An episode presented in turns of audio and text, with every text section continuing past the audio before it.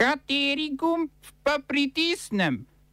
Tisti, na katerem piše OF. Izredne razmere v Otavi. Protirasistični protesti v Braziliji. Ukinitev vrhovnega sodnega sveta v Tuniziji. Pekarnizacija frančiškanskega samostana na Preširnovem trgu. V kulturnih novicah koridor predstavlja neverjetne priložnosti v CZK.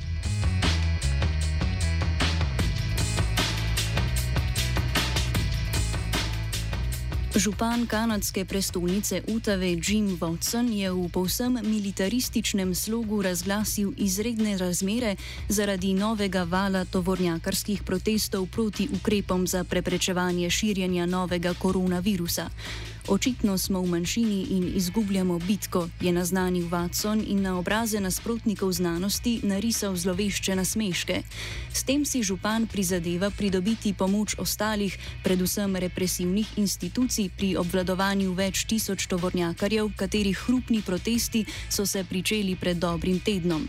Sicer pa izredno stanje občinskim oblastem omogoča predvsem lažjo dobavo potrebščin za ključne medicinske in policijske storitve. Policija je že predtem prepovedala kakršno koli materialno pomoč protestnikom, denimo v obliki donacij goriva, prejšnji teden pa je platforma za množično financiranje GoFundMe zamrznila skoraj 7 milijonov evrov zbrane finančne pomoči za tovornjakarske proteste in napovedala, da jih bo preusmerila v dobrodelne namene.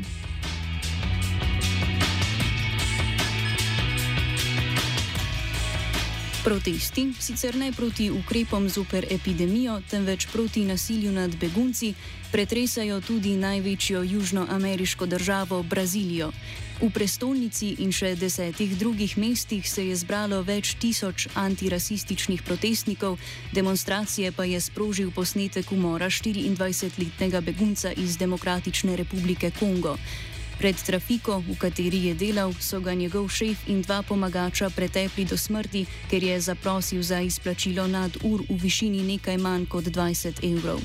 Predsednik Brazilije Jair Bolsonaro sredi, sledi strategiji predsednika Republike Slovenije Boruta Pahorja, zato kljub bližajočim se predsedniškim volitvam ne reče ne bev, ne mev.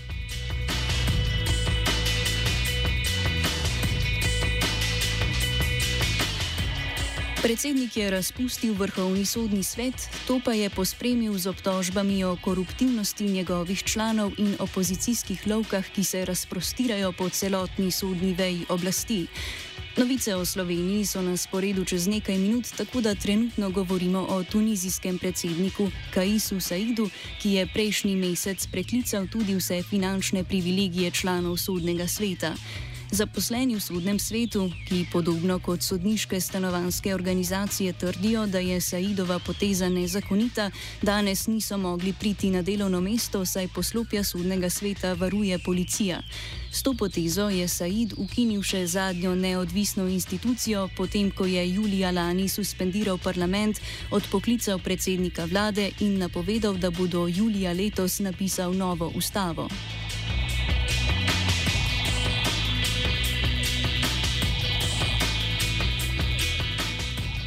Medtem je v Črni gori dokončno razpadla vlada. Potem, ko so črnogorski poslanci v petek izglasovali nezaupnico in s tem razpustili vlado pod vodstvom zdravka Krivokapiča in stranke za prihodnost Črne gore, so na današnji izredni seji pričeli razpravo o odpoklicu predsednika parlamente Alekse Bečiča iz stranke Demokratska Črna gora. Podpise za odpoklic so prispevali poslanci Demokratske stranke socialistov, liberalne stranke, pošnjaške stranke, socialdemokratov, socialdemokratske stranke in albanske koalicije jednoglasno. Bečič in njegovi strankarski kolegi ob tem opozarjajo, da gre zagotovo za zaroto, ki jo vodi nekdani večdesetletni šef Črne Gore Milo Džukanovič in če bo odpoklic uspešen, državljane pozivajo na protest pred hram Jezusevega ustajenja v Podgorici. Zarutniške pomisleke je z izjavo podkrepil Milo Džukanovič sam, ki je napovedal podporo novi najnovejši novi vladi pod vodstvom Dritana Abazoviča.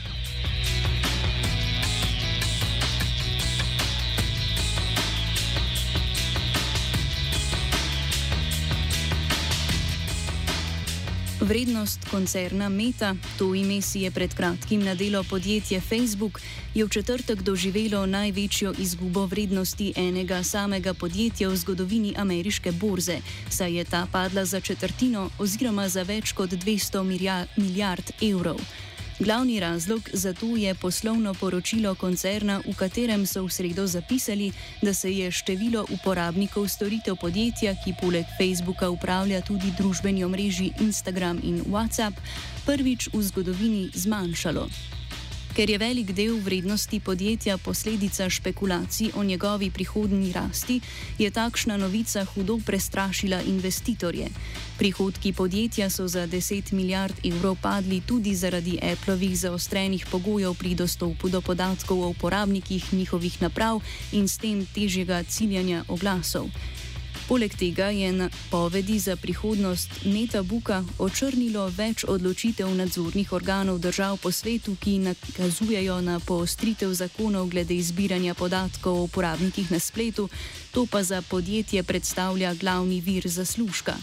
Prav ta sprememba političnega ozračja in slaba javna podoba koncerna sta vodile v njem spodbudili k odločitvi o preimenovanju podjetja v Meta in usmeritvi v izdelavo vizualnega sveta Metaverzuma. Ta pa je za zdaj, vsaj po mnenju investitorjev in poznavalcev digitalnih storitev, prej slaba marketinška šala kot resna inovativna ideja.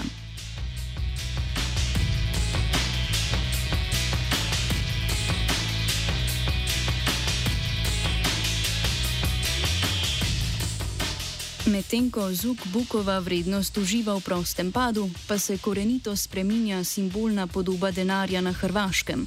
Nacionalni svet za evro je slavnostno predstavil zmagovalne oblikovalne rešitve evrokovancev, ki bodo v obtok stopili z začetkom prihodnjega leta, ko bo iz Hrvaške dokončno izginila kuna. Seveda je to, tako kot vsako ideološko pavšalna odločitev v državah na Balkanu, sprožilo mednarodno in vsesplošno ogorčenje. Za kovanec za en evro je namreč na natečaju zmagala podoba kune, ki jo je z fotografije škotskega fotografa Iana Liča prekopiral Stjepan Prankovič. Zato je prejel več kot 10 tisoč evrov nagrade, kar je razburkalo hrvaške domoznance in splošno oblikovalsko javnost. Prankovič je zaradi velikega javnega odziva, predvsem v obliki spletnih memov, svoj predlog že umaknil in napovedal, da bo nagrado zavrnil, a s tem seveda ni pomiril vznemirjene javnosti na drugi strani schizmatične meje.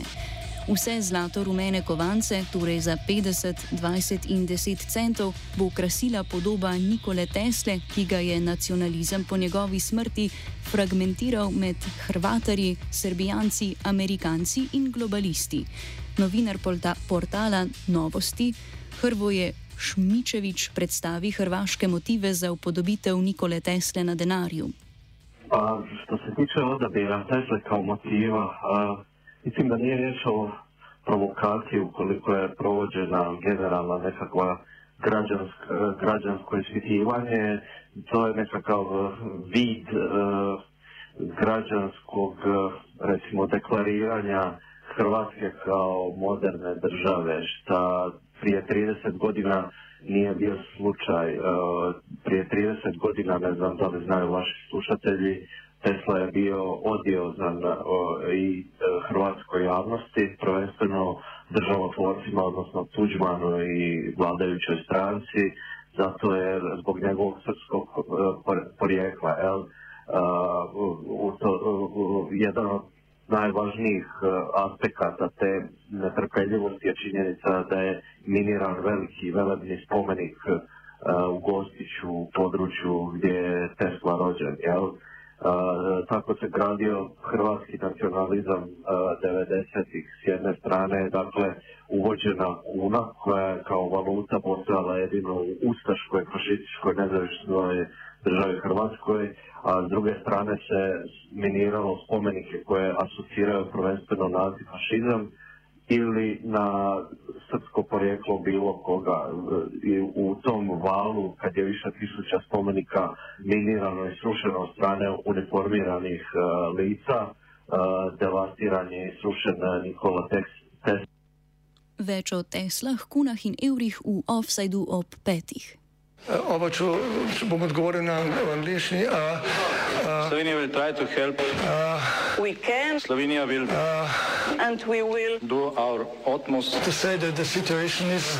Our problem ourselves. And uh, we will uh, make further steps as soon as the conditions are. Bomo vlado Marjana Cerer, Marjana Cerer Šarca podprli. Very, very serious. From Slovenia. We know how and we will. Ljubljanski frančiškani so se odločili za schizmatičen prelom z navki svojega ustanovitelja Frančiška Asiškega, zavetnika ob oboženih, in v svojih vrstah obudili Frančiškovo razsipniško mladost. Kot pod stopnicami samostana Marinjega oznanjenja na Preširnovem trgu bodo oddajali v profitne namene. Na najelitnejši lokaciji v središču Ljubljane bo tako pod duhovnim in resničnim zavetjem frančiškanov zrasla še ena pekarna.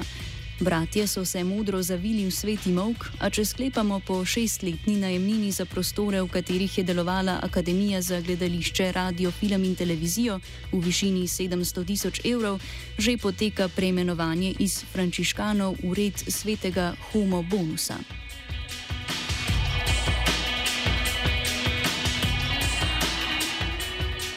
Bogokletni of je pripravil Virant.